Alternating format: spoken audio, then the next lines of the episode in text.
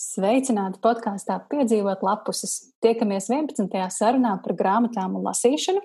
Un šodien aicināšu jūs padomāt par uh, vērtīgajām, vērtīgākajām, senākajām, uh, labākajām grāmatām jūsu grāmatplauktos. Un cik vispār jūsu grāmatplauktā ir grāmatu? Vai jūs tās uh, mērķiecīgi kolekcionējat, vai varbūt meklējat kādus īpašus eksemplārus? Uh, uz šiem un droši vien vēl daudziem citiem jautājumiem uh, man uh, palīdzēs atbildēt un saprast atbildes divi um, pieredzes bagāti grāmatu blogeri. Uh, Viena no tām ir Anna Kārkliņa. Uh, Andas blogs, andasstuff.lv ir šķiet, manuprāt, viens no vecākajiem Latvijā un uh, tieši par grāmatām un, un lasīšanu kā arī Andas noteikti piesakojiet, ja vēl nesakojat, Andas Instagram kontam es lasu ar ļoti skaistām bildēm un tikpat skaistiem grāmatu aprakstiem un recenzijām. Sveika, Anda! Čau, čau, čau! Prieks tevi dzirdēt, redzēt!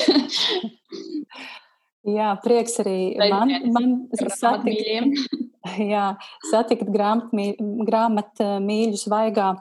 Un otrs mans sarunbiedrs šodien ir Agris Jākapsons. Jeb Instagramā zināms kā fucking sons, uh, un arī ļoti labi zināms kā bloga grāmatas ir mani labākie draugi. .wordpress.com autors. Sveiks, Agri! Sveiki! Prieks, prieks jūs šodien dzirdēt un arī redzēt. Diemžēl klausītājiem nāksies samierināties tikai ar dzirdēšanu. Uh, Kā jums iet? Kā jums iet vasarā? Ko šobrīd labu lasāt? Kas ir labs izlasīts? Kā, kā iet vispār ar lasīšanu? No. Īstenībā man vasara ir viens no mīļākajiem gadu laikiem. Lasu es gan visu gadu ļoti citīgi, bet vasarā kaut kā tā īpaši, īpaši vilinoši ir eh, iziet ārā kaut kur eh, dabā vai pie jūras un, un lasīt. Un, um, tam es taupīju, vispār vasarā taupīju vienu grāmatu, tā ir Aksela Muntes eh, stāsts par Sanikelu. Tā kā es pati dzīvoju pie jūras, tad, tad, tad es gribēju viņu lasīt tieši vasarā un, un tieši pie jūras un nesen pabeidzu. Un, un diezgan lielā sajūsmā esmu un arī ieliku savā Instagram kontā atsauksmi. Uh, man liekas, ļoti, ļoti vērtīga un skaista grāmata, kas mm, pilnīgi aizrauja elpu. Un nu, tādas spēcīgas emocijas rada. Noteikti iesaku izlasīt un izlasīt tieši vasarā. Mm -hmm. Jā, lieliski. Ko, ko tu šobrīd lasi?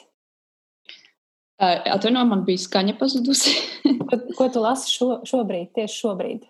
Uh, šobrīd es lasu, man kaut kādas uznāca vēlme pēkšņi pārlasīt veco labo agrorūsu. Nezinu, kāpēc. Bet tā, vispār esmu pamanījusi, ka man uznāk tāda perioda, kad es daudz lat, la, la, lasu latviešu rakstnieku darbus, un tagad man kaut kā tāds, es lasīju Regīnu ezeru nesen, un, un tam man tā kaut kā roka organiski pasniedzās pēc Elīnas Zālītes vecās labās agrās rūsas. Kaut kā sagribējās pārlasīt. Es viņu droši vien esmu lasījusi jau kādas nezinu, septiņas reizes. Bet, nu, mm. kas gan grāmatā var kaitēt viņu pārlasīt vēlreiz un vēlreiz.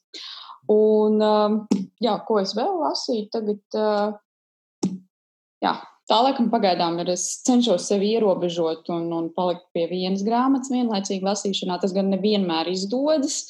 Ļoti motivēju sevi, bet nu, man stāv rindā Anšlāga Eglīša Homo Novus, kurai es ļoti, ļoti gribu ķerties klāt. To gan es neesmu vēl lasījusi, un tāpēc ir tāds īpaši, īpaši satraukums sirdī iekšā, un, un, un tāpēc es izlasīšu, pārlasīšu agro rūsu, un tad es ķeršos. Klāt, tu, vai tu esi no Anšlāga Eglīša kaut ko vēl citu lasījusi? Nu, cik es saprotu, esi? Nē, nav sanācis, tāpēc man ir tāda ah pirmā reize ar viņu. Tāpēc ļoti, ļoti gaidu ar tādu interesi.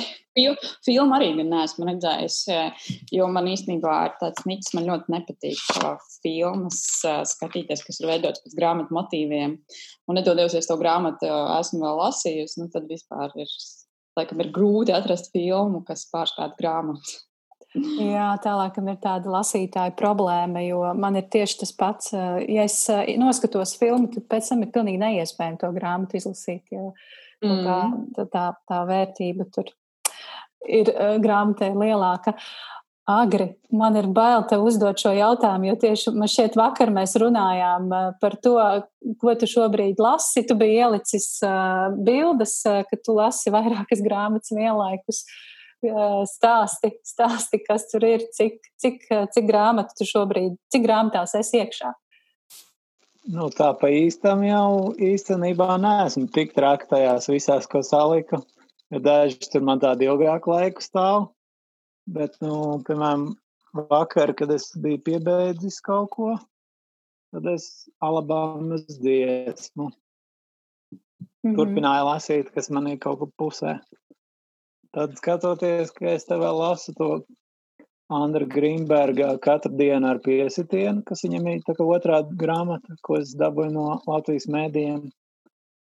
Arps brālība man jau kā no pagājušā rudens stāv, man liekas, iesākt un ik pa laikam pa nodaļai palasu, kad zagribās viņu paturpināt. Un nesen arī iesāku apglabājiet man zem aiz grīdas līdz. To es tā kaut kā iesāku, jā. Jā, to es iesāku, kad man draudzene Anita tur sāka par viņu interesēties, tad es teica, ka man ir plauktā, pašam jāizlasa kaut kad, un es gribēju palasīt, ielasījos, un tad viņi man tagad stāv arī tā. Gribēju mm. pabeigt tās, kas man, pa ko man bija obligāti jāuzraksta kaut kas. Tad var ķerties pie tādām, kas man vienkārši stāv pašam plauktos. Un kas ir pēdējā, Bez... un kas ir pēdējā tāda, nu tāda spēcīga izlasīta, kas ir atstājusi labu iespaidu nu, vislabākais iespējas laikam no pēdējām ir pa mēdī izdotā augstums tumsa bats Normona mm. Trēmaņa. Uzreiz pēc, pēc Jāņiem viņa iznāca. To man vispirms iedeva PDF formātā, tad lasīju, un tad viņi iznāca, tad dabūja arī papīra formātā, un tad piebeidz papīra formātā. Baigi forši tādas atmiņas. Mm. Skarbas, bet nu forši uzrakstīja. Viss sākums vispār kā romāns, nevis kā kaut kāda leģionāra atmiņas. Jā, es gribēju jautāt, tas, ir, tas, tas darbs ir vairāk kā mm, vēsturisks, tāds vēsturisks darbs vai, vai daļa literatūra? Kā tur ir? Vēsturisks, vēsturisks, jā, tās, var teikt, tā kā kara beigas, kur viņi sagūst visu un kur vācieši mok prom. Mm -hmm. Un pēc tam jau tas, ka viņš uz tiem 20 mēnešiem bija tajā lēģerī tur šahtās, un tad viņš to visu tur apraksta. Mm. Tā, kā, tā kā ievadā tur bija tas, kas tur ir tas sastādītājs, ne, bet konsultants tas tur teica, ka grāmata bez sākuma un beigām, jo ne, ne pats karš viss tur ir aprakstīts, vienkārši pašas beigas, kā jāmūk, un tad jādomā, kas tad nu būs, ka Krievi nāk, ja viņš tur karoja, kā vā, pie vāciešiem bija ielikt. Mm. Tad, un tad beigas arī tādas, ka viņš aiziet mājā un viss pieklauvē, māte atver un beidzās. Mm. Vienkārši tāds vidiņš un nezinu, kā ir pēc tam viņam tajā dzīvē iet un, un kā pirms tam bija. Mm. Tā kā tā. Bet, nu, sākums tas, kā viņi tur muka pa tiem mežiem, tas ir tā kā, tā kā romāns būtu. mm. Nevis tāds atmiņas. Tad, tā ir tā grāmata, ko tu iesaki izlasīt mums arī. Ja? Nu, ja patīk kaut kāda tāda kara laika stāsts, tad jā. Skaidrs. Klau, cik, cik jums ir grāmatu vispār mājās? Es arī Agrim šo esmu jau jautājusi, jo tu tieši biji Instagramā ielicis bildi ar savu grāmatu plauktu, un es ar tādām lielām acīm ieraudzīju to, un tagad arī skatos uz šo te lielo sienu. Uh, Uh, jā, pakomentējiet, Anna, tu arī pastāsti, cik tev ir grāmatu mājās. Es zinu, skatīt. Jā, skaitījis, es viņus neesmu. Man beidzot ir grāmatu plaukts, tāds kārtīgs grāmatu plaukts, kāds te gan var maz no viņa redzēt. Uh, tas, kas man apbrīnoja agra redzamajā uh, faunā aizmugurē, viņa plaukta izturība, cik grāmatas var satilpt. Uh, bet uh, tiešām es skatījusi, neesmu, man grāmatām ir tā, ka Uh, es sev atstāju tās īpašākās grāmatas, bet ļoti daudz es dodu lasīt citiem. Un, un, uh, man ļoti ir vairākas draudzenes, kam patīk lasīt, tāpat man māma lasa. Un tad šīs grāmatas dod prom lasīt. Man ļoti patīk, ka grāmatas uh, lasa citi un, un, un jautā pēc grāmatām, sevišķi, kad ir pamanījuši atsauksmi, izlasījuši un liekas, ka tā grāmata varētu uzrunāt. Un tad man, protams, ir lielākais prieks, ka tā man atsauksme ir noderējusi un manas emocijas ir iespējošas ķerties viņai klāt. Un, un tāpēc man mājās nemaz nav tik daudz grāmatas neglabājās, jo man ir tāds niķis. Uh, tās grāmatas man gribās vēl un vēl un vēl, un tad es saprotu, ka man būtu aizkrauta jau vesela istaba droši vien līdz augšai, ja es glabātu tiešām visas grāmatas. Tās īpaši vērtīgākās es tiešām atstāju sev, kas man ir īpaši iepatikušās un kuras es zinu, ka es pārlasīšu vēl vismaz vairākas reizes, vai nezinu, nu, pat ir tādas, kuras man liekas ārprāt, es gribētu saviem nākotnes bērniem atstāt, lai lai viņi viņus turpinātu lasīt. Uh, tāpēc, jā, man tas skaits tiešām nav tāds uh, primārais. Uh, nu, nu, tā parasti es neskaitu, cik viņas ir. Bet no agri ap, apgaismo mūs, cik, cik tev tur to grāmatu ir. Jā. Nu, es arī neesmu saskaidījis, tā kā es tikai nesen, nesen saliku tos plauktus, un vēl daži, daži plaukti tur dēļ trūkst, nav ielikti. Kad dažas grāmatas jau stāv kastēs visur. Zinu, man pat tad vairāk domāju, tad... Cik kilogramu? Es domāju, kilograms, nezinu. Tur jau tonnas būs jāmēra drīz varbūt. Man labi, Sāk, tonnas sākumā, ne. Sākumā, kaut... kad es, jā, kad es sā, sāku tur tā kā vākt pamazām tādu savu biblioteku, tad man Tad es skaitīju, līdz kaut kādam 2000 man bija tik, bet tad es vairs neesmu skaitījis, piefiksējis tā visu, bet es domāju tagad, ka es viņus sāk, būs tie plaukti visi gatavi un es viņus likšu tā, kā viņām jābūt, nevis tikai tajā aiz muguras mancēta plauktiņš ir sakārtots tā, kā vajag. Viss pārējās kaut kur vienkārši iebāzts, lai, lai es zinu, cik daudz vietas viņas aizņem. Bet, nu, Tas ir man... arī to konkursu pēc tam tu pats saskaiti, un tad, uh, lai cilvēki min. Labi, laba ideja. Ņemšu vērā šitā. Agries tavā blogā izlasīju tādu piezīmi, bet es nu, ne, nepameklēju, vai par to ir kāds garāks raksts, ka tu savām grāmatām esi pat dzīvokli nopircis. Tā, tā ir. Jā, Jā tagad Visu laiku es tā kā īrēju Rīgā visādas, ik pa laikam, kad kaut ko strādāju, katru reizi kaut ko citu vai tā. Un tam man tur krājās pie mammas mājā, manā istabā grāmatas. Mamma tur sāk sūdzēties, ka es katru reizi kā no Rīgas braucu tā veselu somas tur ar grāmatām atkal nāk klāt. Tad es te netālu no mammas mājas bija brīvs dzīvoklis un uz izsoli, un tad es viņu nopirku. Ir tā, lai man viņš ir, kur grāmatas man visu laiku ir, ja, lai es vienalga, kur es būtu aizbraucis, lai man viņas maz viņas ir. Pagaid, bet tu tajā... Tas ir tīri, tīri grāmatām ir domāts bija. Tu, tu pats tur nedzīvo, tur dzīvo tikai tavas grāmatas. Nē, tagad es dzīvoju tur pats arī. arī pašam ir vieta, tad, tad ir labi. Jā, jā.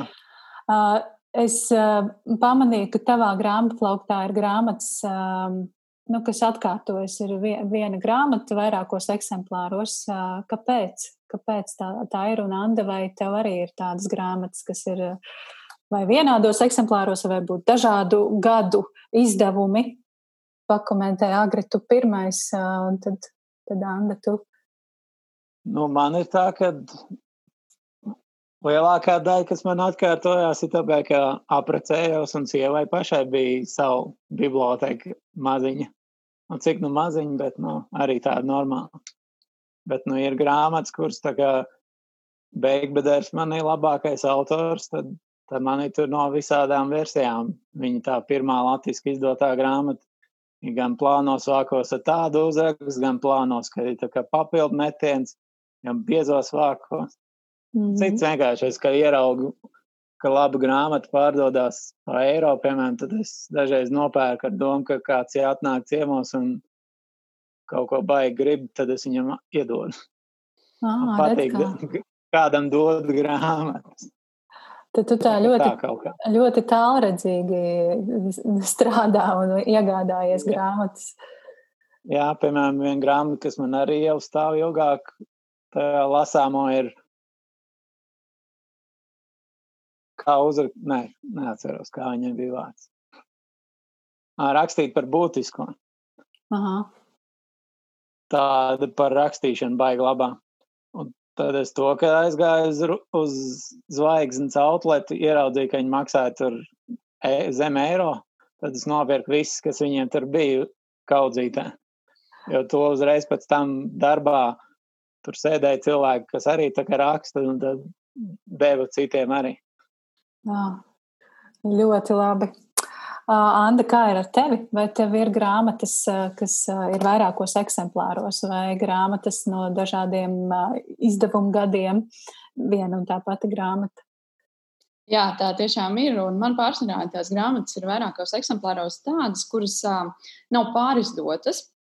Es pat jau nav vēlreiz izdevuši, un uh, man ļoti patīk oriģinālie vāki. Pat ja viņas ir vēlreiz izdotas, dažkārt man nepatīk tie vāki, tie otrreizējiem izdevumam, tad man patīk to oriģinālo. Tādas tiešām ir vairāk. Un, un, oh, uz sitienu es uzreiz atceros, Montgomery ir tāda vīra, vīra rakstniece Angru. Viņam bija Emīlija no jauna mēneša, vesela sērija Anna no zaļajiem jumtiem. Un šīs te vec, veco izdevumu sērijas ir izdotas, manuprāt, pārizdotas ir tikai pirmās sērijas, abām sērijām, pirmās grāmatas, kas ar tādiem no nu, absolūti dīvainiem vākiem. Tad, tad šīs te ar veciem vākiem ir nu, tādi retumi, un, un īpaši Anna no zaļajiem jumtiem, visas septiņas sērijas grāmatas, šķiet medīju kādu uh, nu, gadu nepārspīlējot. Un, un, protams, ka beigās es viņus atradu pie cilvēka, pie vienas meitenes, kurai joprojām saku liels paldies. Viņai mājās bija, viņa man brīdināja, viņas ir ļoti, ļoti nolasītas. Es teicu, man ir pilnīgi vienalga, es viņas gribu, un viņi man uzdāvināja. Un, tiešām liels paldies, ja viņi šo klausās, tad no manis vēlreiz paldies liels. Un, jā, un tā, tā ir tā vērtība, man liekas, nu, ka tev gribās tieši tās, lai ir vairāk drošības pēc, jo ir tādas grāmatas, kurām noplīst vienkārši tie vāki no lasīšanas, un ja viņi nav pārizdota, ir arī tāda franču rakstniece Žanīna Brosāra un viņa ģimenes gara sērija uh, kuras, manuprāt, ir man kaut kādos trīs eksemplāros, visas grāmatas, jo viņām vienkārši tie vāki nu, plīst un lapas krīt ārā. Un tad es tā, nu, kad vienu nolasu, tad ņemu nākamo. Jo, kā jau teicu, man ļoti patīk pārlasīt grāmatas. Es esmu tāds mazliet prieks tajā ziņā. Es grāmatas varu pārlasīt septiņas, astoņas reizes ar kādu nu, gada periodu kaut kur, jā, tādā laikā, un, un man ļoti patīk. Um, Anna, tu jau aizskāra tādu, tādu vienu jautājumu, ko es jums gribēju uzdot. Ko jūs darāt tad, kad jūs aiziet ciemos un ieraugat to kāroto grāmatu, kuru jūs esat varbūt sen jau meklējuši, medījuši, un ieraugat tur tam cilvēkam plauktā? Ko jūs darāt? Tev Anda paveicās, un tev šīs kārotās Anna sērijas grāmatas uzdāvināja. Bet varbūt ir kāda viltība reizēm likta lietā, lai dabūtu kāroto grāmatu. Pastāstiet par kādu piedzīvojumu, varbūt.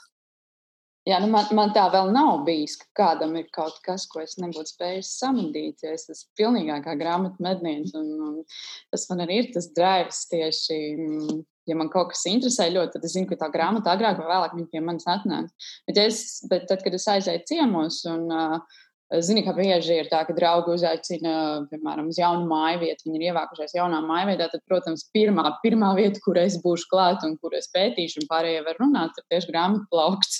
un sākšu uzdot visādas gīki jautājumus par grāmatām, kāpēc tieši to es izvēlējies un tā tālāk. Bet, manuprāt, grāmatas ļoti daudz stāst par cilvēku, un tas ir tik interesanti.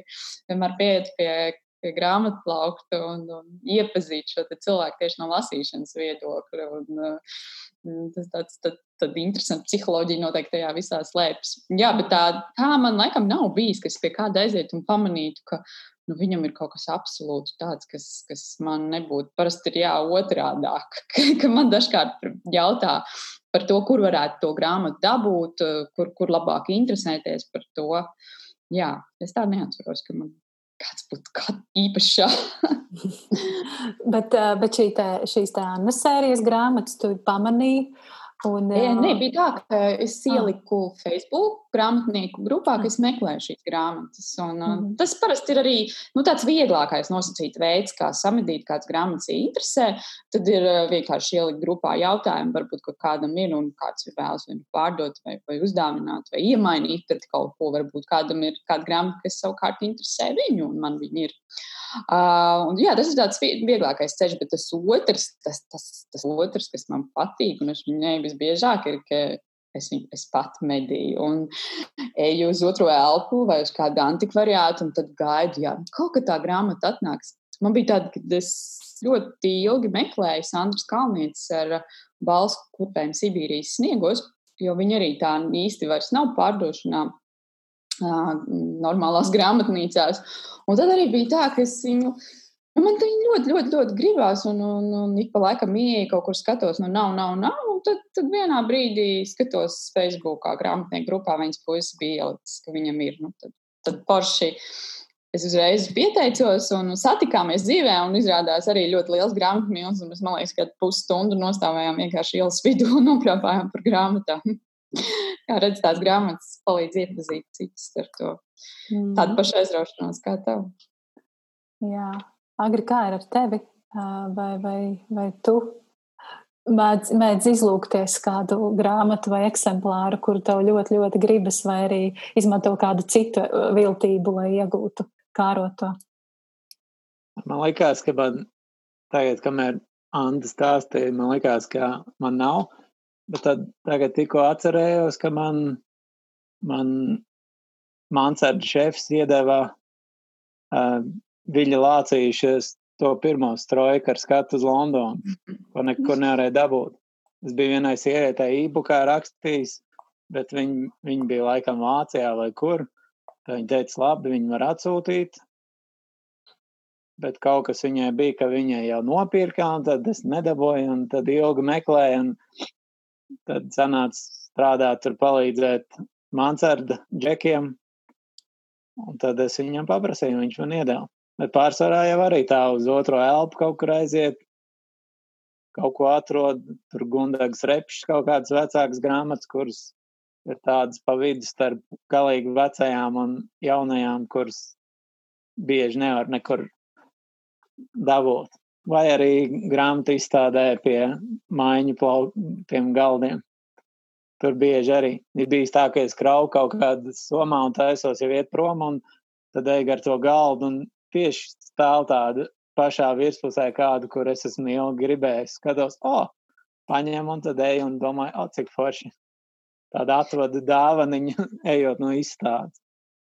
Es, uh, es, Es atminējos ar vēl vienu stāstu par vienu grāmatu triloģiju, ko es savulaik medīju Zēnas sērgas. Viņai bija tas ar mums meitenēm runājot. Un, ja to pirmo grāmatu vēl varēja savulaik dabūt, tad divi turpinājumi bez piecām minūtēm pieauguši. Es neatceros, kā sauc trešo. Nu, tās grāmatas bija nu, nu, tā, ka nu, nu, nekur nevar dabūt. Un izmeklējos, izmeklējos, un arī es neatceros, kādā veidā nonācu līdz vienai sievietei, kam, grā, kam šie abi turpinājumi bija.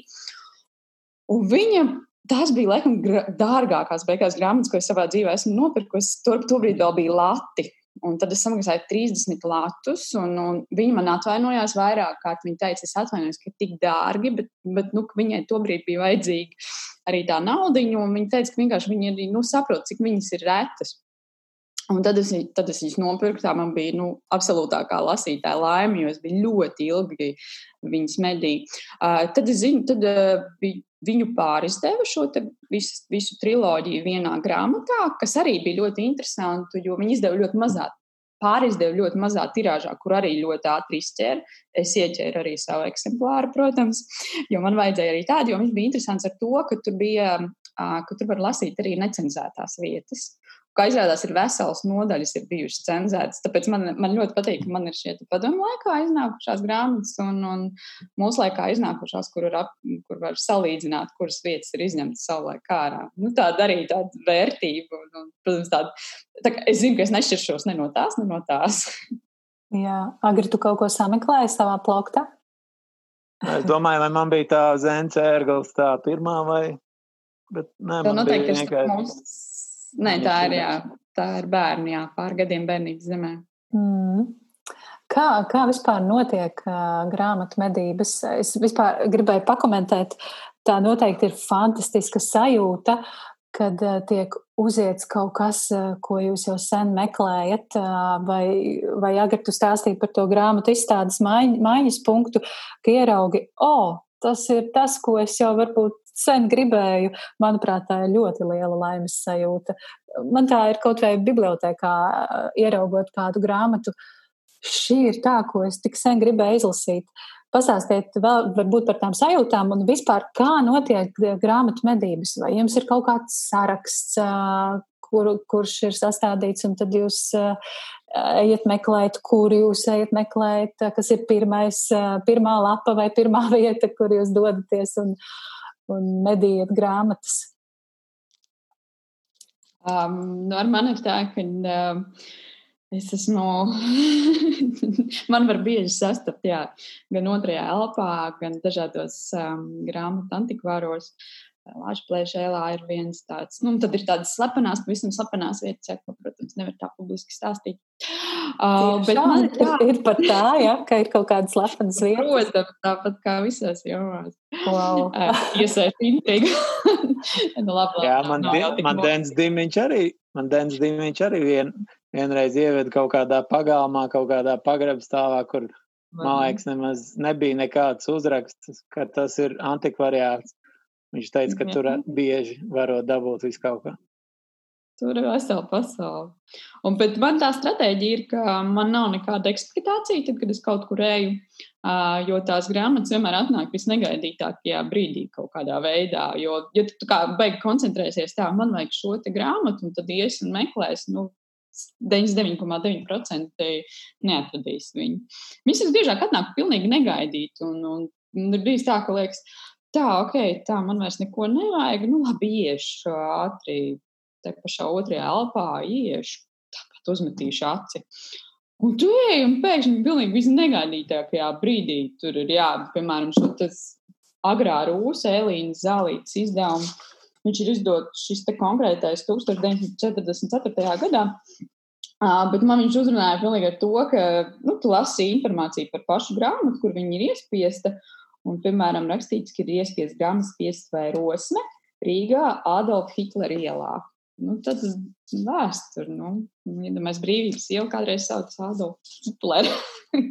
Jā, nu tad tā interesanti. Tāds, tur jau ir tā burvība tajās vecajās grāmatās tu lasi vēsturi faktiski arī grāmatas vākos, ne tikai pašā stāstā. Mm.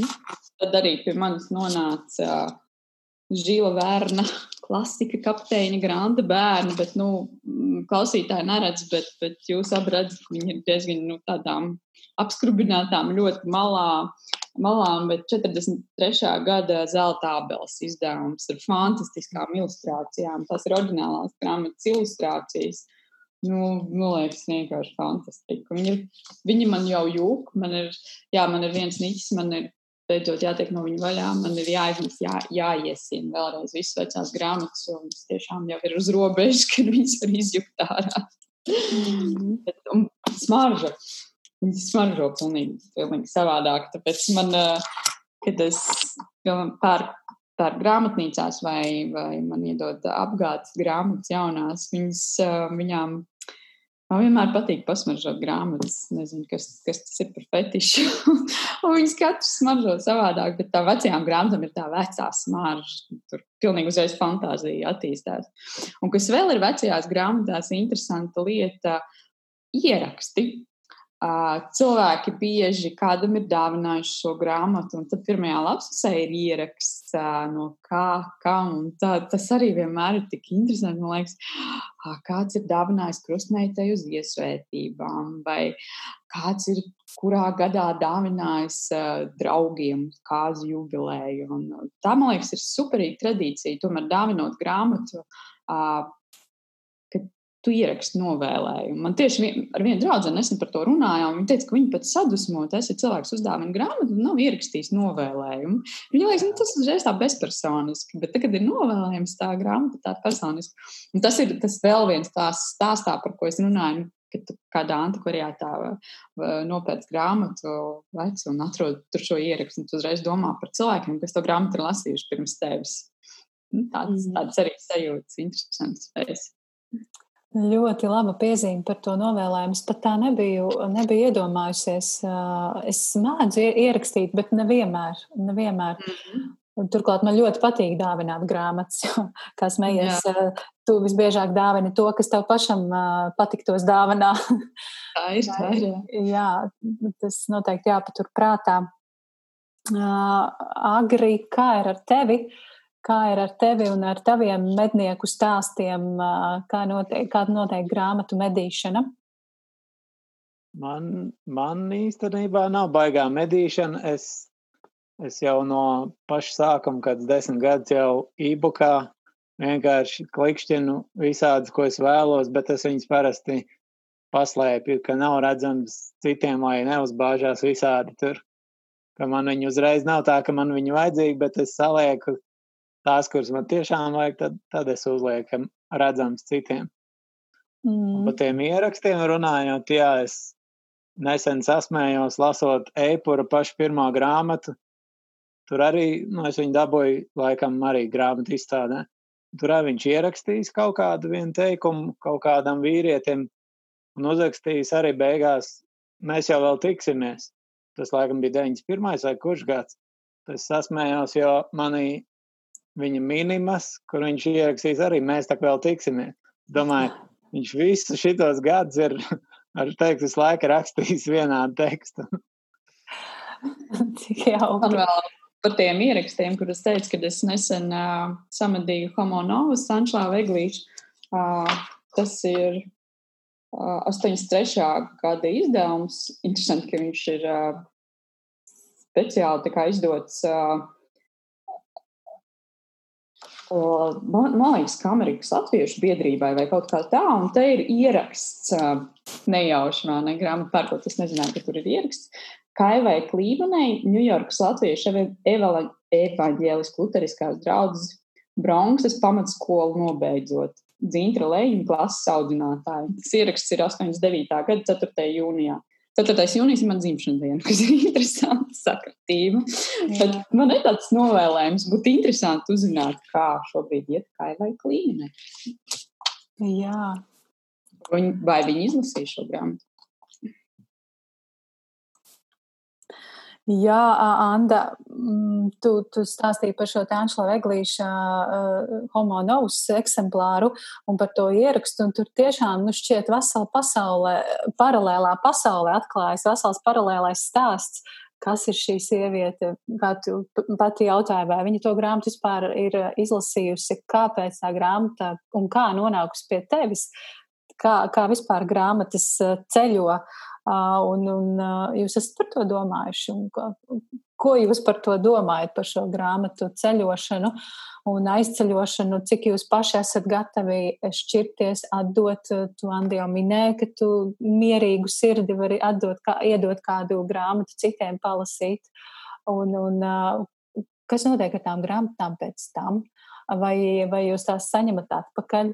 Varbūt viņas aizceļo kaut kur vēl tālāk pie citiem lasītājiem, pafilozofējam par grāmatu ceļiem.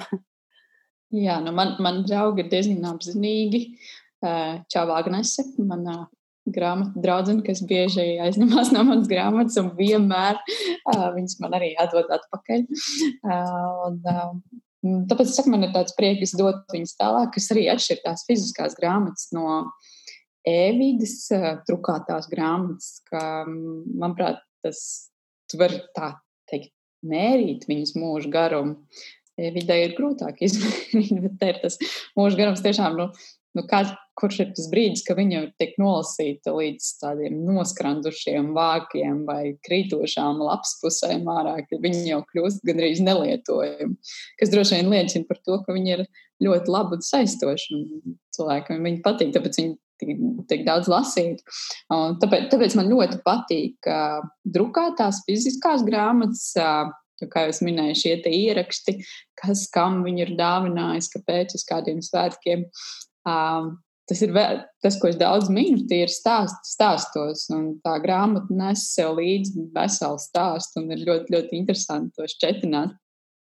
Tāpēc man patīk, ka grāmatas iet tajā pasaulē un viņas lasa daudz. Jo tas, ka kāds lasa to, kas tev patīk, tas liek justies daudz tuvāk cilvēkiem. Un tāpēc man patīk šī sajūta.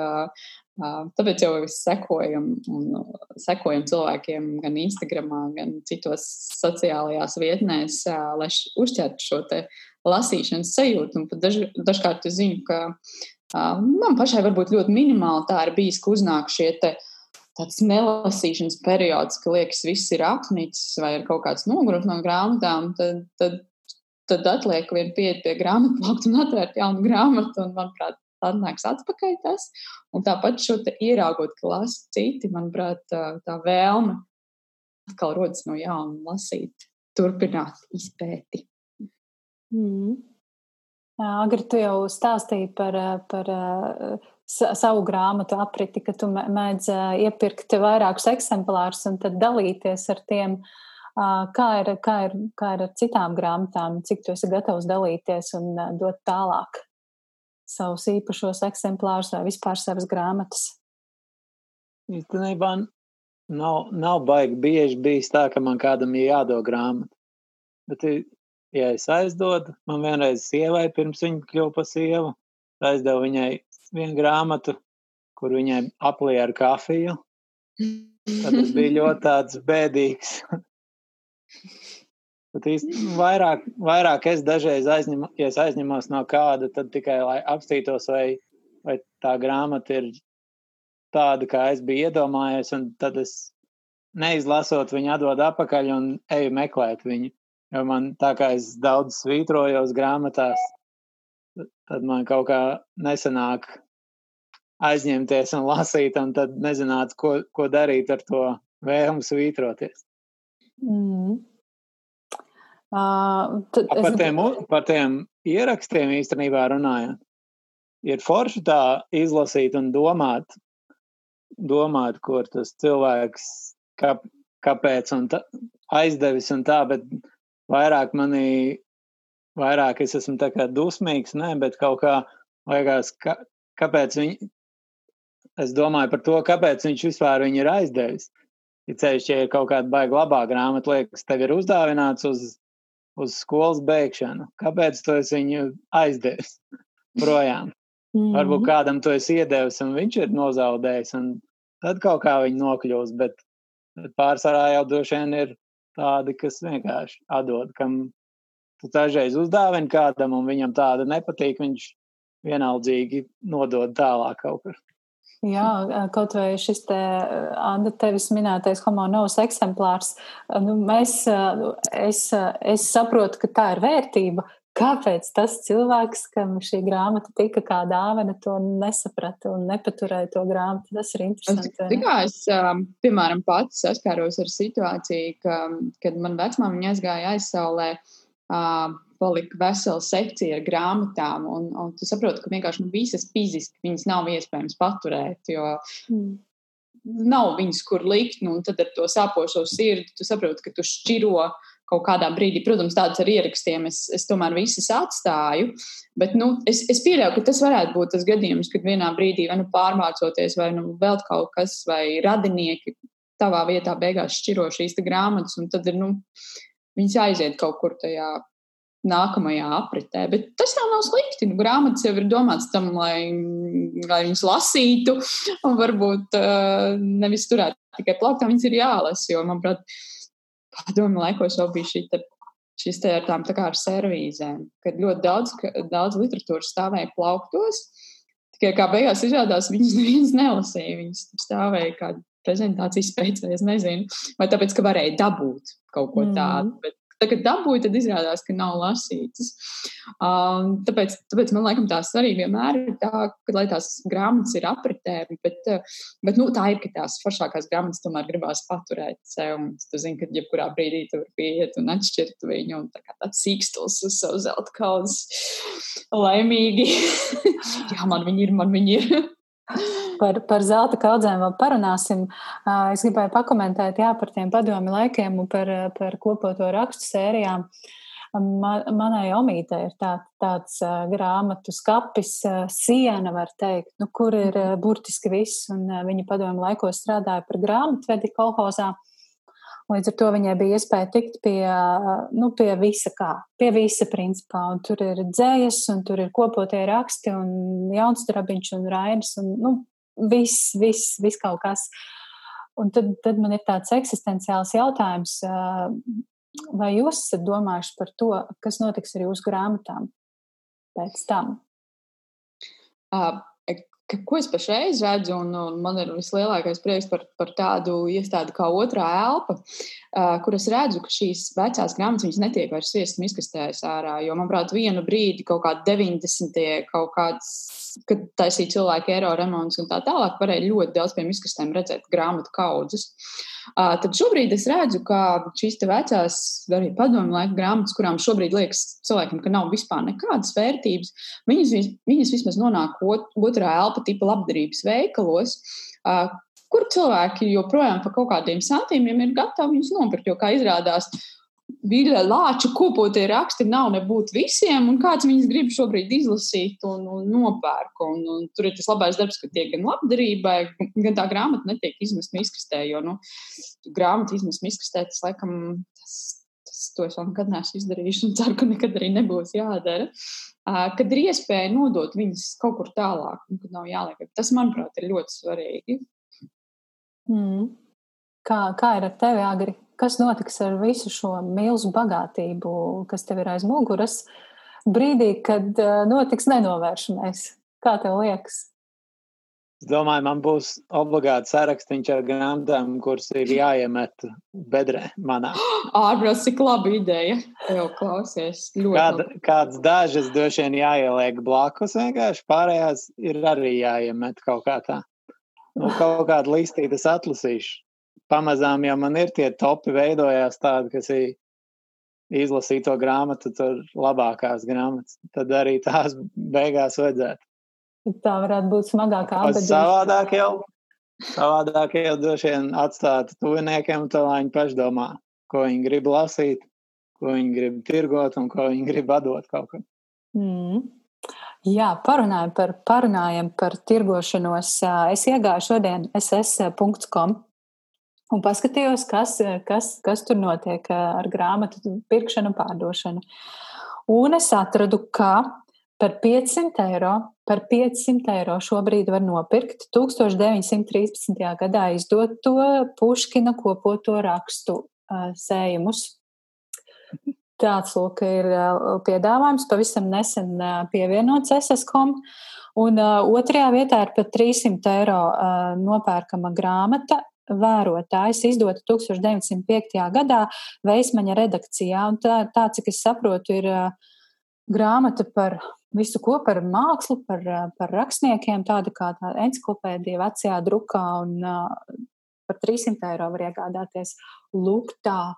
Vai jūs zināt, kura ir vērtīgākā grāmata jūsu plauktā, tīri nu, naudas ziņā? Uh, Man liekas, smieklīgi tas, ka droši vien cik šādi puškina kopotie raksti savulaik ir nonākuši miskastēs, kas šobrīd maksā diezgan padārgi. Uh, man nav tādas uh, naudas izteiksmē vērtīgākās grāmatas, absolūti nē. Tas viss tādi medīšanas piedzīvojumi, Viņi nekad nav balstīti uz to, ka tas ir kaut kāds investīcija ieguldījums. Tas ir ieguldījums absolūti manā garīgumā, un tās grāmatas vērtība ir absolūti saturiskā ziņā. Un, un, un par, jā, par grāmatu pirkšanu, pārdošanu, nu, arī kāpēc ne? Nu, kādam kāds varbūt šo grāmatu ļoti meklē. Un, ja viņa ir reta, tad jau tas ir tāpat kā antikvariātos reta vāze no meisnes porcelāna. Nu, Kāpēc ne? Nu, lai cilvēks tirgo un, un kādam, kādam tas ir veiksmīgs ieguldījums. Nu, protams, tur var runāt par to. ja mēs taču visi atceramies par Harry Potteru, jo mums izdod to latviešu valodā vienu brīdi, tad bija 200 eiro, man liekas, par, par visām mm. grāmatām. Mm. nu, nu, ja ir pārdevējs, tad ir arī pircējs. Es vienkārši iesaku apbruņoties ar uh, pacietību, un, ja tu to grāmatu gribi, tad viņi agrāk vai vēlāk nonāks pie tevis un nebūtu pa trīs ciparu skaitļiem. Jā, agri kā ir ar tevi? Kur, kur... Man, piemēram, man patīk e-bookā, ja kāds ir ielicis tirgo grāmatu tādu, kur reāli var veikalā vēl nopirkt pa lētāku naudu, tad es parasti ierakstu komentārā, ka veikalā var pat tik un tik dabūt. Vai nepārdod kāds tur pa 50 kaut ko, kas veikalā divīt tagad maksā. Bet tā ir tāds grāmatas, kur jā, ir daudz tādu. Mm. Nesen man no maniem gribēja viena pirkt 40 sveces. Es teicu, ka man tur bija kaut kāda, nu, veco, ve, no veciem laikiem viņi tur ielika. Teicu, ka rozē viņi divā kapēkā. Vai aiziet vienkārši būs, jo viņi jau gribēja, lai es viņai aizsūtu pa pastu, tad viņai tas izmaksā dārgāk nekā vienkārši iet tur paņemt. Mm. Bet kas ir vērtīgākā grāmata tavā plauktā? Ir kaut kāda, kur tu. Ja, vispār tas ne, ir. Nezinu, nezinu no vecām, kur man varbūt ir kaut kāda. Man ir viena rozes izdota no, piet, no 1900 kaut kāda ceturtā, kur iespējams nekur citur nevar dabūt pat rozē. Varbūt vairs pat nav viņiem tajā plauktā, kas viņiem ir oficiālā. Bet nu, tā, ko es pats visdārgākā ir, Salvador Dalī tādas divas mākslas grāmatas, man liekas, kā 10 kg sver. Tāds divas kopā tādā vienā iepakojumā, ļoti smagas. Latvijas laikos, man liekas, pa 35 viņas nopirkt. Tās mm. man ir dārgākās, ko es pats esmu pircis. Cits nav tik dārgs bijis. Jā, jā. Es gribēju pieskarties tai vērtīguma tēmai, jo tas droši vien arī ir ļoti plašs jautājums.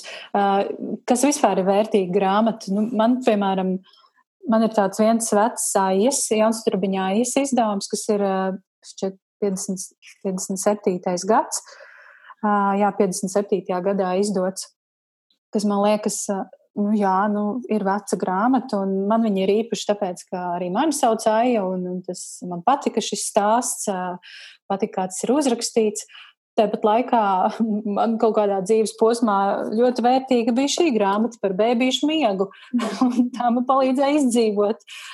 Vai arī vienkārši mana mīļākā grāmata brīnums, kas ir nu, vienkārši. Viņa man ļoti patīk. Un, Un, kas jums ir vērtīga grāmata? es domāju, tā ir emocionālā vērtība noteikti. Tā ir grāmata, kas tev ir īstajā brīdī, īstajā laikā uzrunājis tik spēcīgi, ka tu viņu vari atcerēties, ja tev kāds pamodina naktas vidū, un tu vari nocitēt uh, no viņas citāts un pārstāstīt visu stāstu no pirmās līdz pēdējai lapas pusē. Es domāju, ka tā galvenokārt šī emocionālā vērtība un īstais laiks, kad grāmata ir nonākusi mūsu rokās. Jo vai tad bieži nav tā, ka mums liekas, ārpus tik ģeniāla grāmata un, un noteikti ieteikšu visiem viņu izlasīt, un tad ir cilvēki, kas sākārtos, es viņu sāku lasīt, man viņi pilnīgi liek, atstāja vienaldzīgi. Un tur iet runa vairāk tieši par to, ka jā, grāmatām ir jāatnāk tajā īstajā brīdī pie mums. Un tas, kas mūs vada tajā brīdī izvēlēties šo grāmatu, vai tas ir kāda telepātija vai kaut kas, bet bieži ir tā, ka roka pasniedz pilnīgi pēc īstās grāmatas. Es to pat esmu sajūtis, un tas ir pat mazliet mistiski, jā, tajā brīdī. Uh, Un tu sāc viņu lasīt, un tu saproti, jā, tas ir tieši tas, ko es gribēju šajā brīdī.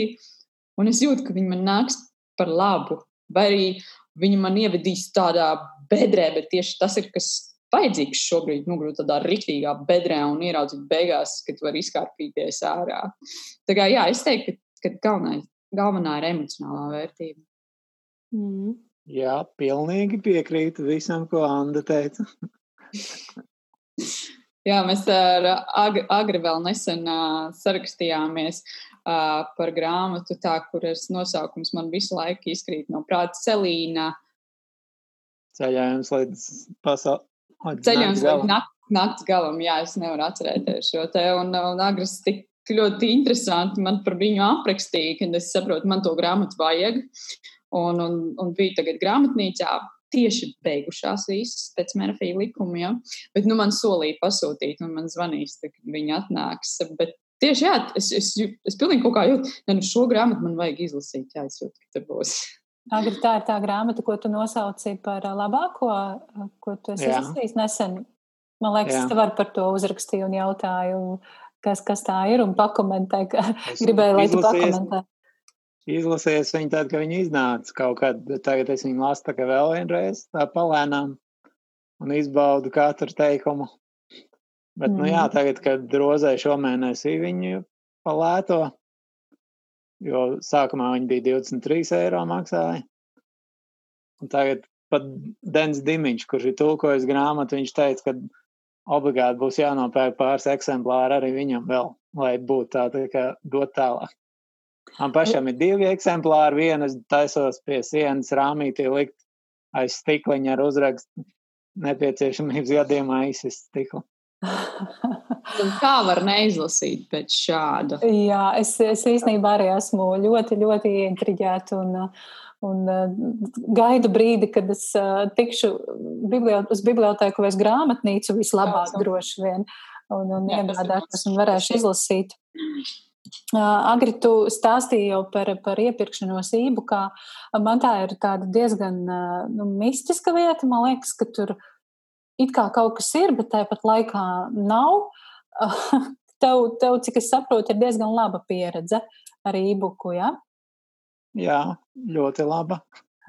tu esi iepraktizējis. Ne, nekad neesmu sūtījis, piemēram, kādam, kad es no kāda pērka neesmu sūtījis naudu pirms pirms tam, jo nu, tādam, kas nav reģistrēts, piemēram, nu, ne, kam nav kāda zvaigznīte jau iedod, ka kādam ir labi ar viņu bijis. Jo ir mm. daudz tādu, kas tur tā apčakarējās, kas kaut kādu tur uzrodās krāpnieki, kuriem, ja tu ieliec, ka tu gribi, nezinu, kaut kādu 800. gada grāmatu, viņš uzreiz, ah, man ir pa 50, tu ieskaiti viņam 50 un viss. Pazaudēja 50. Piemēram. Kaut kad pavisam salīdzinoši nesen, man liekas, bija kaut kāds skandāls ar ībuku, ka tur ir viens pārdevējs, kas, kas jā, dikti jā. mānās. Tāds tur visu laiku uzrodās. Bet no nu, tā es pārsvarā esmu jau jā, tur desmit gadus un visu laiku kaut kādas grāmatas pērku pārsvarā. Nu, dažreiz pārdot, bet pārsvarā pērku un vienmēr tiekos ar cilvēkiem pats, tad, kad es dzīvoju Rīgā. Mm -hmm. Jā, viss normāli. Satikt cilvēks arī pie reizes, kam patīk grāmatas. Tā tad e-book kaut kādi trīs pamatlikumi ir pārbaudīt pārdevēju, ja? vai, vai viņam ir labas atsauksmes, Jā. vai par viņu ir labas atsauksmes. Vislabāk satikties klātienē, ja? Jā. Kas vēl jāņem vērā iepērkoties e-book? Palūgt, lai viņš atsūta konkrētas lapas puses attēlu vienkārši randumā, nu, nu, lai viņš atsūta, piemēram, 63. lapas puses attēlu, jo dažkārt tās, tās grāmatu vāku bildes tiek nospērtas no Google, un tad viņš atsūta, ah, re, kur man tāda grāmata ir. Tad tu palūdzi konkrēti lapas puses atsūtīt, nobildēt. Vai, nē, šodien nesanāks, nē, rīt arī nesanāks, jā, un tad viņš tā ļoti līgani pazūd. tā kā, jā, to es iesaku, vai pat, nu, palūgt video, kur šo grāmatu vienkārši, nu, cilvēkus pāršķirst. Nu, tā, tā vajag, jo tad tu vismaz vari pārliecināties, ka viņam tieši tāda ir. Tas, protams, negarantē, ka tev nepiekrāps un atsūtīs. Bet, nu, tā vajadzētu darīt. Mm. Jā. Mm. Tā kaut kā. ir bijusi grāmatu detektīva, Anna. grāmatu detektīva. Es jūs drīzāk saucu par grāmatu romantiķiem abus divus. o jā, es, es pilnībā parakstos zem šīs. Skaisti. Ska, skaists, skaists tāds tituls, manuprāt. Jā. Ir bijuši kādi kuriozi grāmatu medībās, meklējot grāmatas, kaut kas, kaut kas īpatnējs noticis, varbūt krimināls. Jūs jau nedalīsieties tagad tā publiski ar kriminālām lietām. varbūt kuriozi. Ne, nu man bija tā, ka es ieraudzīju otrajā elpā Mm, Pāvela Sanājeva apglabājiet mani aiz grīdlīstes, un uh, es saprotu, šī grāmata, viņa nav nopērkama tajā brīdī. Es zinu, ka ir izpirkta visu tirāžu, un es jau tā kā sniedzos, un es saprotu, ka vienlaicīgi viens vīrietis arī sniedz pēc viņa. Bet es kaut kā tā, tā paņēmu, viņš tā kā uz mani paskatās, bet nu neko tā kā. un tad es sapratu, tas bija sekundžu jautājums, un es šo grāmatu varēju arī nedabūt. Bet, nu, nebija tā, ka mēs viņu tagad uz pusēm, bet, nu, es sapratu, viņš džentlmeniski piekāpās blondīnas priekšā. Skaisti stāsts ar laimīgām beigām. Jā. Agri, kā ar tevi, varbūt tu vari vēlreiz uh, sīkāk pastāstīt par to pagrabu, kur tu tur gāji un meklēji un skaties, vai kaut kāds cits stāsts varbūt. Es tajā pagrabā īstenībā nemaz baigi neko nemeklēju. Dens Dimiņš tur gāja kaut kādai pakai grāmatai, un tad un pie reizes iedeva arī man vienu, kur teica, es tev šito nopirkšu. Tā ir laba islandiešu grāmata.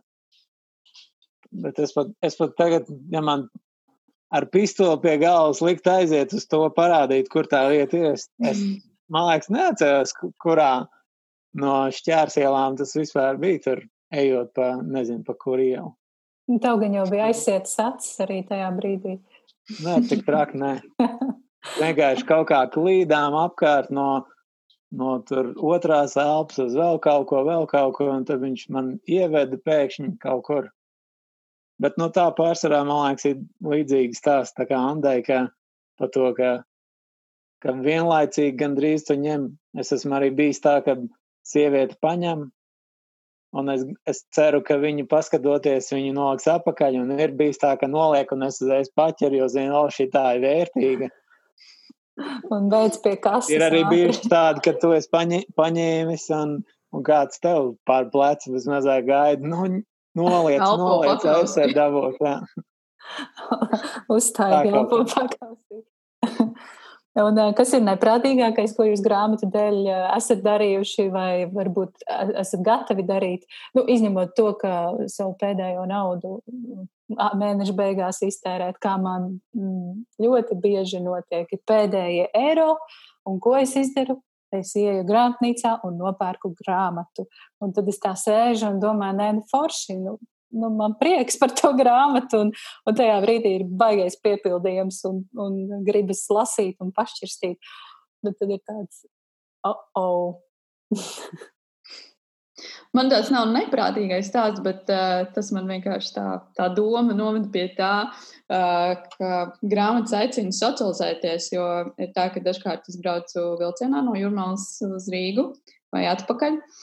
Un, nu, ir interesanti redzēt cilvēku, kas sēž nevis telefonā, bet lasa grāmatu. Un tad man ir tā, ka dažkārt man sagribās uzrunāt šo cilvēku, jo šāds, ka viņš lasa grāmatu, kur es esmu lasījusi, vai, vai kaut kādu, ko es neesmu lasījusi. Un tad dažkārt izvēršas tādas interesantas sarunas. Un, dažreiz grāmatai, piemēram, Satorija grāmatu žurnālam, laikam tā viņu sauc, jā, ir tāds ļoti interesants vāks.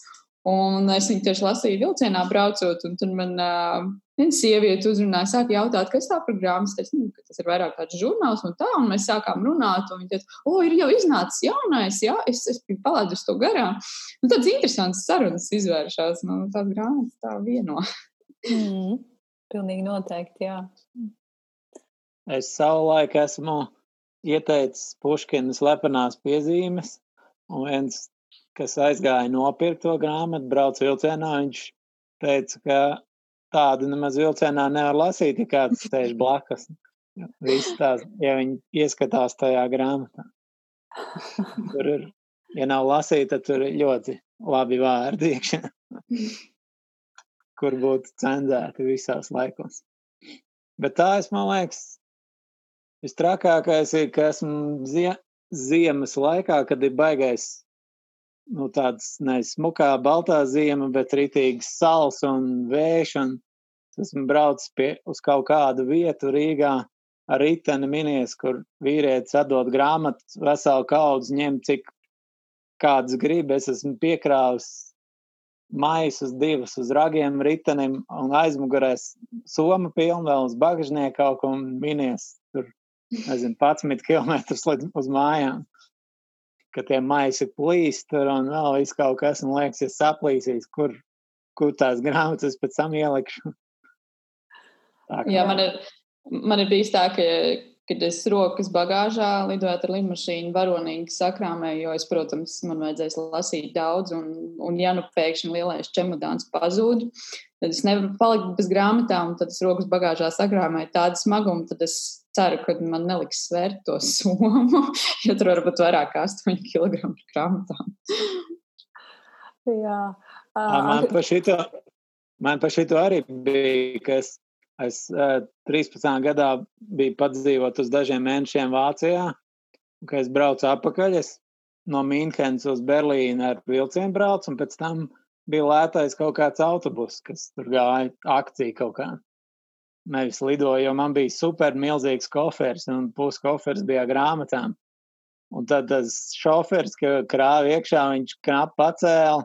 Viņš teica, tu zini, ka 50 kg tikai drīkst, vai cik tur drīkst būt. Es teicu, jā, bet tā kā tie bija kaut kādi poļu šoferi, viņi teica, būs piecīts jāpiemaksā. Domāju, nu labi, par to es esmu gatavs piecīt piemaksāt. nu, tie ir tādi, jā, tiešām neprātīgi grāmatmīļi stāsti. Um, Anna, tu esi ceļotāja. Uh, jā. Tev patīk ceļot, es tā nojaušu pēc tava bloga. Um, Vai tu esi ceļojusi grāmatas dēļ, braukusi kaut kur meklējusi, vai, vai gluži nejauši varbūt aizbraukusi un, uh, uz kādu valsti un sameklējusi kādu ļoti labu grāmatu? Uh, vairāk es parasti medīju mm, šos, te, kā viņi sauc, tos grāmatu skapīšus. Man Francijā pāris pilsētās ir mīļas vietas, kuras zinu, kad es aizbraucu, tad tajās, tajos skapīšos, kur cilvēki var nolikt grāmatas, kas viņiem vairs nav vajadzīgas, vai, vai, vai kaut ko, tad es bieži nolieku uh, kādu no savām grāmatām un paņemu jaunu vietā. Un, un tad, jā, mēs tā bieži es, biežāk esmu Francijā un, un tādā pilsētā Epernējā ir ļoti skaists parks, un es vienmēr dodos tā kā sveceļojumā. Es zinu, ka tur būs kāda forša grāmata, kas man palīdz ielausties franču valodā, jo nu, to valodu mācos, un, un, un lai viņi iemācītos, nu, ir jālasa uh, oriģināla valodā, un tad, tad, nu, tāds, tad, tad man tur izdodas šo to samedīt dažkārt.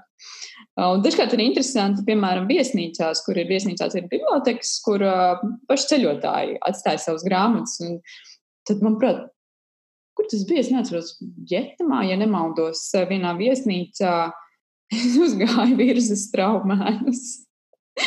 Latviešu? jā, jā, kāds tā tad bija atvedis un, un atstājis. Un, protams, kad es viņu paņēmu, jo nu, man liekas, nu, nu, nu kā. Viņa ir ceļojusi, tātad viņai ir jāceļo atpakaļ uz dziļteni. Tā forša, tad tā, tās grāmatas ir skaistas, un tad ir interesanti, kā viņas nonāk pie citiem lasītājiem. Šis gan ir tāds ļoti interesants stāsts. Nu, it kā nu, nekas, nekas pārdabisks, protams, kā grāmatu var aizceļot ar citu ceļojumu. Jā, arī kas viņi ir redzējuši, kas ir lasījis. Nu, un es, es atceros, ka skolas laikos Strūmēna laikam ir bijuši viena no tām grāmatām, kas ir radījuši daudziem riebumu pēc lasīt nu, pret lasīšanu kā tādu nodarbi. Man viņa ļoti, ļoti patika skolas laikā. Uh, bet, nu, jā, tad, tad interesanti, vai viņi ir paņemti līdzi, tāpēc, ka viņi ir tāda grāmata, kas ir lasīta ceļojuma laikā, vai paņemta līdzi, tāpēc, ka nu, tā grāmata ir. Aizvest nav. prom no valsts. Jā, tālāk. Vai viena mazā. atpakaļ. tā kā tur pietrūka tā ieraksta, redz, tur būtu bijis ieraksts, kam, kā. Mēs nekad vairs nesatiksimies jā, jā, tad jau tur varētu šķetināt to ceļu. Nu, interesanti. Bet liktenīgi, ka, ka tā grāmata nonāca tieši tavās rokās. Nu, kā, kā tas jā. tā varēja tā sakrist? Jā, tā atsevišķi speciāli es vairāk vīras, vīra hobiju sakarā. Viņš ar vīniem aizraujas, un tad mēs esam braukuši Uh, speciāli pēc nu, grāmatām par vīnu, kas ir nopērkams tik, piemēram tikai Francijā. Ir, tas deva man, protams, iespēju forši paužņāties par to grāmatnīcu, papētīt grāmatu plauktus, kamēr viņš meklēja tās savējās, nu, izpētīt. Protams, grāmatnīca noteikti ir tā iestāde, kuras ārzemēs noteikti ieeju un, un izpētu. Pat neko mm. nenopērkot bieži. Mm. Un kā ir ar tevi, Agri? Vai, vai tu esi ceļotājs, un vai tu ceļojot, ieej kādā grāmatnīcā, un ko tu tur dari? Nu, tā, kad es ceļoju vienkārši kā ceļotājs, turists par, ar lidmašīnām vai kaut kā tā, tad es arī, jā, biežāk jau pie brāļa uz Vāciju braucu. Tad tur arī pārsvarā ej grāmatnīcā tikai, lai apskatītu, jo jau pirkt es pārsvarā pērku Amazonai, tur lai atsūtu uzreiz brālim, un tad es vedu tās mājā. Bet tā es ceļoju pārsvarā riteni pa, pa apkārt, pa Latviju, pa Igauniju, visur. Un tad, tad arī šad un tad gadās tie skapīši, kuros obligāti kaut kas atrodas, un tad somas paliek arvien smagākas, kad tev ir jau paņemts līdz grāmatas, piemēram, ja tu ceļo mēnesi vai divus, tad tev jau ir paņemts grāmatas, un tad tu vēl iebrauc tādā, pie tāda skapīša, un tad vēl smagāk paliek. Kaut ko šad un tad atrod. Man jau vispār būs, būtu ierosinājums visām pašvaldībām un par, ikvienā parkā izveidot tādu grāmatu skapīti. Man, manuprāt, tas ir diezgan tāds foršs veids, kā apmainīties ar grāmatām. Ko es atkal saku, ka grāmata nonāk nevis miskastē, bet pie jaunu lasītāju. Mm. Un kāds, kādam, nu, arī foršs parkā, nu, dažkārt, nezinu, piemēram, kāds atceļ vai pārceļ tikšanos uz vēlāku laiku, un ir forši salaina diena, tu ieej parkā un nevis baksties mobilajā, bet ir iespēja paņemt grāmatu, ja tev nav līdzi un palasīt. Mm. Un tā grāmata noteikti tev ieraust tā iekšā, ka tu pēc tam ah, ātrāk tā tikšanās beigtos, lai tu atkal vari lasīt. Jā. Jā. Mm. Es, eh, es dzīvoju tādā nu, salīdzinoši mazpilsētā, kaut gan pilsēta ar pašapziņu, tā teikt, tikšķila, bet te nav grāmatnīcas. Un, uh, tas ir tas, kas man šeit ļoti, ļoti pietrūkst. Uh, jā, ir, ir bibliotekā iespēja, nu, tas maiņas galdiņš, ir biblioteka ļoti, ļoti laba, un, uh, bet šeit nav grāmatnīcas. Un, uh, un es atceros, uh, senos laikos gan arī katrā mazpilsētā bija maza grāmatnīciņa. Uh, Un, um, žēl, ka tā, ka tā vairs nav, bet es, protams, arī saprotu, kāpēc tas tā, kāpēc tas tā ir un kāpēc šo grāmatnīcu vairs nav. Bet uh, arī par, par seniem laikiem un senām grāmatām domājot, atcerējos jā, par, par citu mazpilsētu, kurā es dzīvoju, un, un to grāmatnīcu, kur es kā maziņa gāju un pētīju grāmatas. Un tagad tur ir izsisti logi. jā, žēl, jo īstenībā. Manuprāt, grāmatas ir ceļš, kas, manuprāt, pierādījās nesenajā krīzē, Covid laikā, kad visa pasaule mazliet apstāja savā ritējumā, ka grāmatas jau nu gan bija produkts, eh, kurš tika pirkts pat vairāk nekā ierasti. Un, un, jo, tas man liekas interesanti. Tāpēc patiesībā tas būtu vērtīgi, jo vairāk grāmatu veikalu, jo, manuprāt, cilvēki ir mazliet laimīgāki. nu, es par sevi to noteikti varu apgalvot.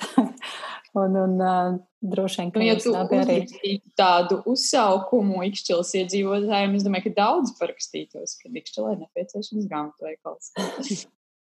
Jā. Jo dažkārt tev izdevēji, jo tā nebūtu nav, jo par daudzām lietām es esmu piefiksējusi, mm, kad izdevēji, piemēram, viņi nepamana pat kaut kādas tādas, nu, šķietam vienkāršas lietas, kas lasītājiem liekas ļoti noderīgas. Viņi to nepamana. Piemēram, es esmu arī rakstījusi izdevniecībām, ka ir ļoti vērtīgs auduma grāmatzīmes iestrādāt grāmatās.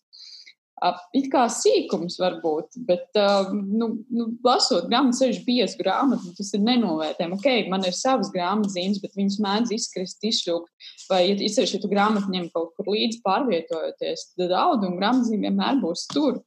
Un, un tas ir, nu, ļoti lasīt, tas ir tāds lasītājiem ļoti, ļoti ērts sīkums, kā, bet, bet nu, lasītāji noteikti ir pateicīgi par to.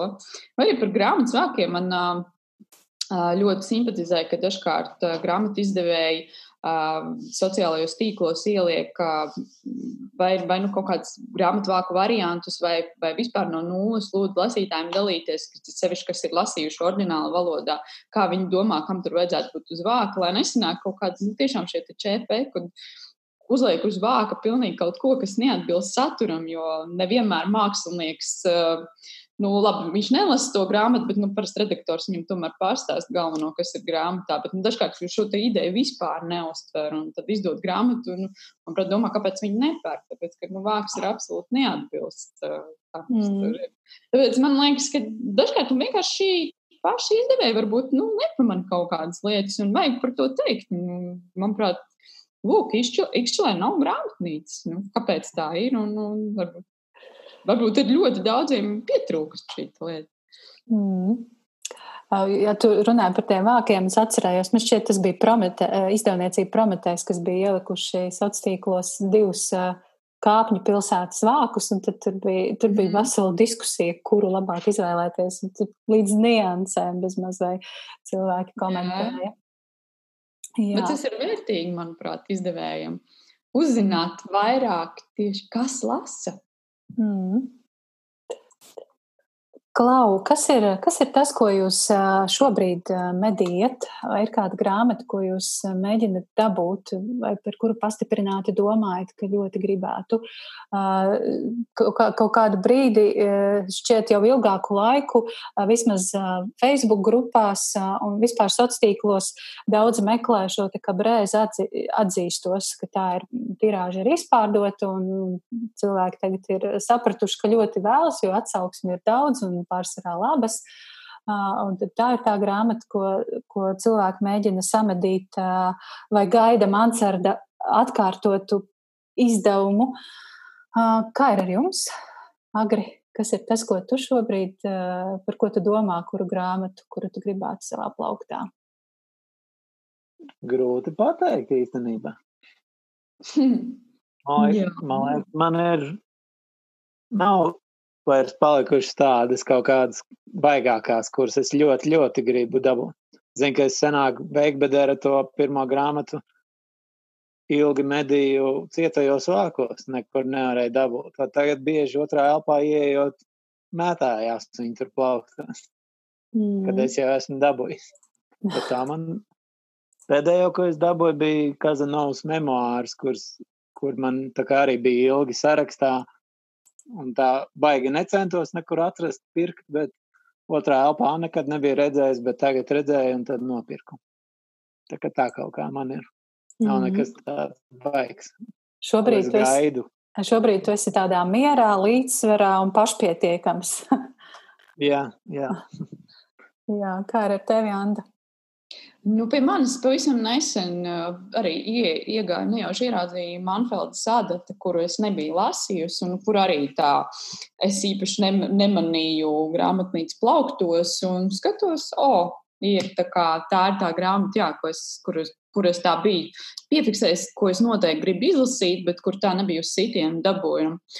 Un uh, pavisam nesen kauns atzīties, bet nevis kauns atzīties, es viņu esmu pārlasījusi trīs reizes, jau sen Alvija Hermaņa dienas grāmatu es dabūju, bet uh, tas tās ir runa par to, varbūt, ka, kā mēs runājam par to, kas ir vairākos eksemplāros, es vienkārši nevarēju viņu nepaņemt, tāpēc, ka es zinu, ka nu, tas ir pilnīgs bibliogrāfisks retums šobrīd, un uh, jā, tad, tad man mājās ir divi eksemplāri, un, un jā, pat tiešām tā, ja man tagad teiktu, vienu, vienu uzdāvināt dot būtu grūti, jā, jo man tiešām ir tik grūti dabūt, ka man ir tāds miers, ka man ir divi eksemplāri.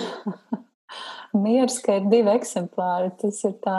Tā ir laikam, jā, jā kaut kāda tāds īpašs grāmatas, tomēr gribās tādu drosību. Nu, ja nu pēkšņi tas, kam tu aizdevi un neatdod, tad tev mājās ir tā, tā otrā. Mm.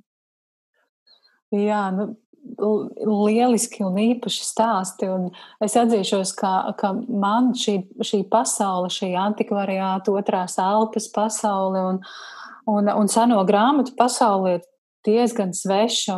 Es noteikti sevi nesauktu par grāmatu mednieci, bet uh, jūs abi mani esat diezgan iedvesmojoši. No, man ir parādījies tāds azarts aiziet un paskatīties, ko es tur atradīšu, ko es ieraudzīšu. Un, uh, jā, Tā kā paldies. Mēneša beigās.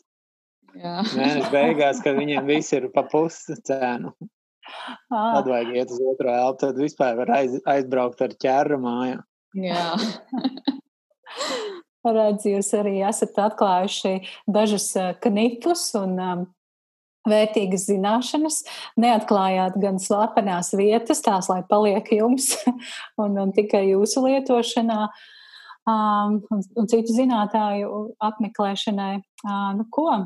Es uh, šķiet, man ir varbūt uh, noslēgumā jautājums Agrim un, un tev, kura ir grāmata, uh, ar kuru jūs esat vienlaikus mocījušies, vienlaikus viņu mīlējuši, un viņi ir nonesusi jums jumtu abos veidos, uh, jo man tāda bija. Uh, uh, Žorža Pereka dzīve lietošanas pamācība, Mansarda izdotā, es nezinu, tulkotājiem uh, Gitai Grimbergai un Denam Dimiņam jāuzceļ piemineklis par viņas iztulkošanu. Tur ir kopā, kopā cik labs puses tūlīt pateikšu. 667 lapas puses, bet ne jau par to, ka baidītu apjomīgas grāmatas. Man, man patiesībā patīk ļoti biezas grāmatas, bet, bet pereku iztulkot, tas, manuprāt, nu, nu, nu es nezinu, nu, tur ir jābūt visas pasaules pacietībai, nenormālām zināšanām un, un tādām nu, tiešām detektīvu spējai ielausties valodas, valodas niansēs, jo, manuprāt, ir tik veiksmīgi pārnestas no franču valodas vārdu spēles, mīklas. Nu, tā grāmata ir nenormāli daudzslāņaina, un šo grāmatu es lasīju pusotru gadu. Man tiešām vienā brīdī gribējās viņu mest pret sienu, nākamajā, nākamajās lapus, nākamās lapus lasot. Es atkal domāju, ka tā ir viņa ģeniāla grāmata, un tā man mījās ar viņu nu, pusotru gadu garumā. Un tad nu, tāds pēdējās simts lapus man aizgāja jau tā ļoti viegli, jo nu, tad es sapratu, ka es šo grāmatu mīlu beig beigās jā, vai jums abiem ir kaut kāda tāda grāmata, kas tādas ļoti interesantas emocijas ir izsaukusi? Agri, kā ar tevi?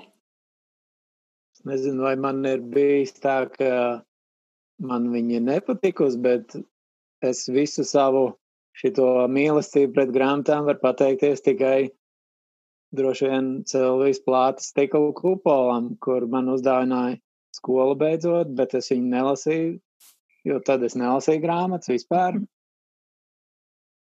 Jo es pirmā klasē paliku otru gadu, jau nemācēju lasīt uz minūti tik ātri, cik vajadzēja.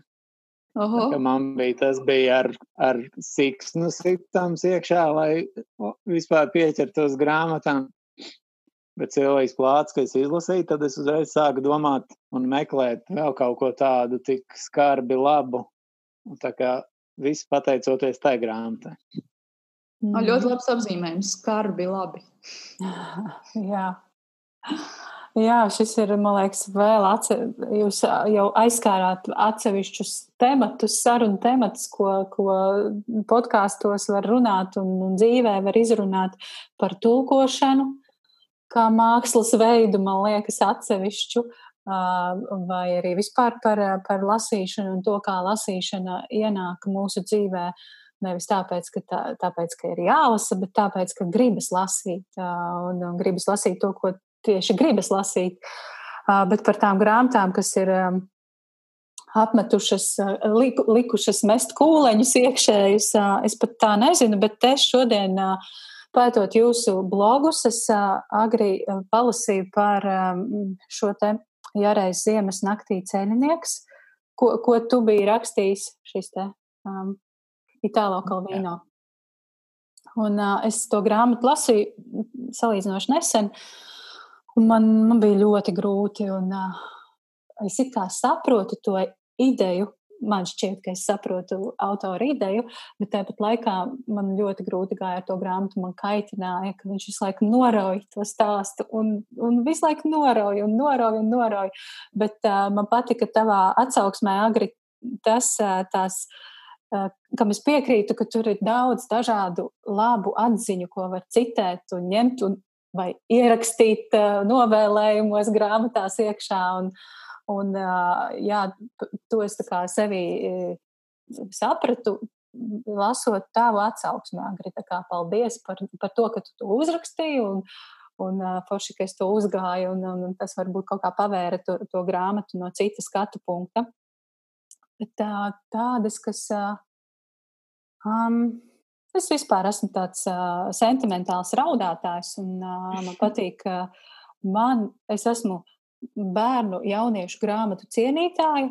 Īpaši, ja tur uh, ir kaut kāds sentiments iekšā, tāds kaut kas tāds. Um, nu, Ne tā, ka man speciāli dida, kaut ko didaktiski mēģina iemācīt vai mēģina speciāli saraudināt man vienkārši ļoti patīk Marijas pārras afeņu sirdis. Esmu, tā ir grāmata, ko es esmu pārlasījusi un vēl pārlasīšu. Lai arī es nemācu, bieži nu, nemācu pārlasīt grāmatas, bet tā ir grāmata, ko es zinu, ka es pārlasīšu, un es gribu, lai mana meita to lasa. Es ceru, ka, ka viņa lasīs, un, un viņai arī patiks. Un, nu, tā kaut kā Jā, tā ir tā grāmata, kas atmodina to mūsu iekšējo bērnu. Man liekas, pieaugušam mm. lasot, kā bērnu grāmatu, bet viņi ļoti uzrunā mm. un atsauc tādas atmiņas, emocijas. Jā, pilnīgi to piekrītu par šo grāmatu. Jā. Nu, ko? Esam visu izrunājuši, vai kaut kas vēl uz sirds? nu, zini, kā šī tā jau var uz stundām un stundām. Jā, nu, katrā ziņā. Katrā ziņā paldies visiem klausītājiem, kas ir noklausījušies līdz beigām. Un paldies jums abiem, Anna un Agri, par, par laiku, par sarunu, un par domām, par atklātību. Jā, paldies par sarunu. Paldies tev par uzaicinājumu. Manuprāt, bija ļoti interesanti. Un, uh, es ceru, es ceru, ka mēs iedvesmosim cilvēkus lasīt. Un, jo tā ir tik brīnumaina pasaule. Tieši tā. Agri. Jā, paldies. Paldies, paldies. Liels. Lasiet cilvēki. Jā, tieši tā. Lasiet, atrodiet kaut ko, kas uzrunā tieši jūs. Un, un tad tiekamies citās sarunās un varbūt kādreiz arī klātienē. Atā. Atā.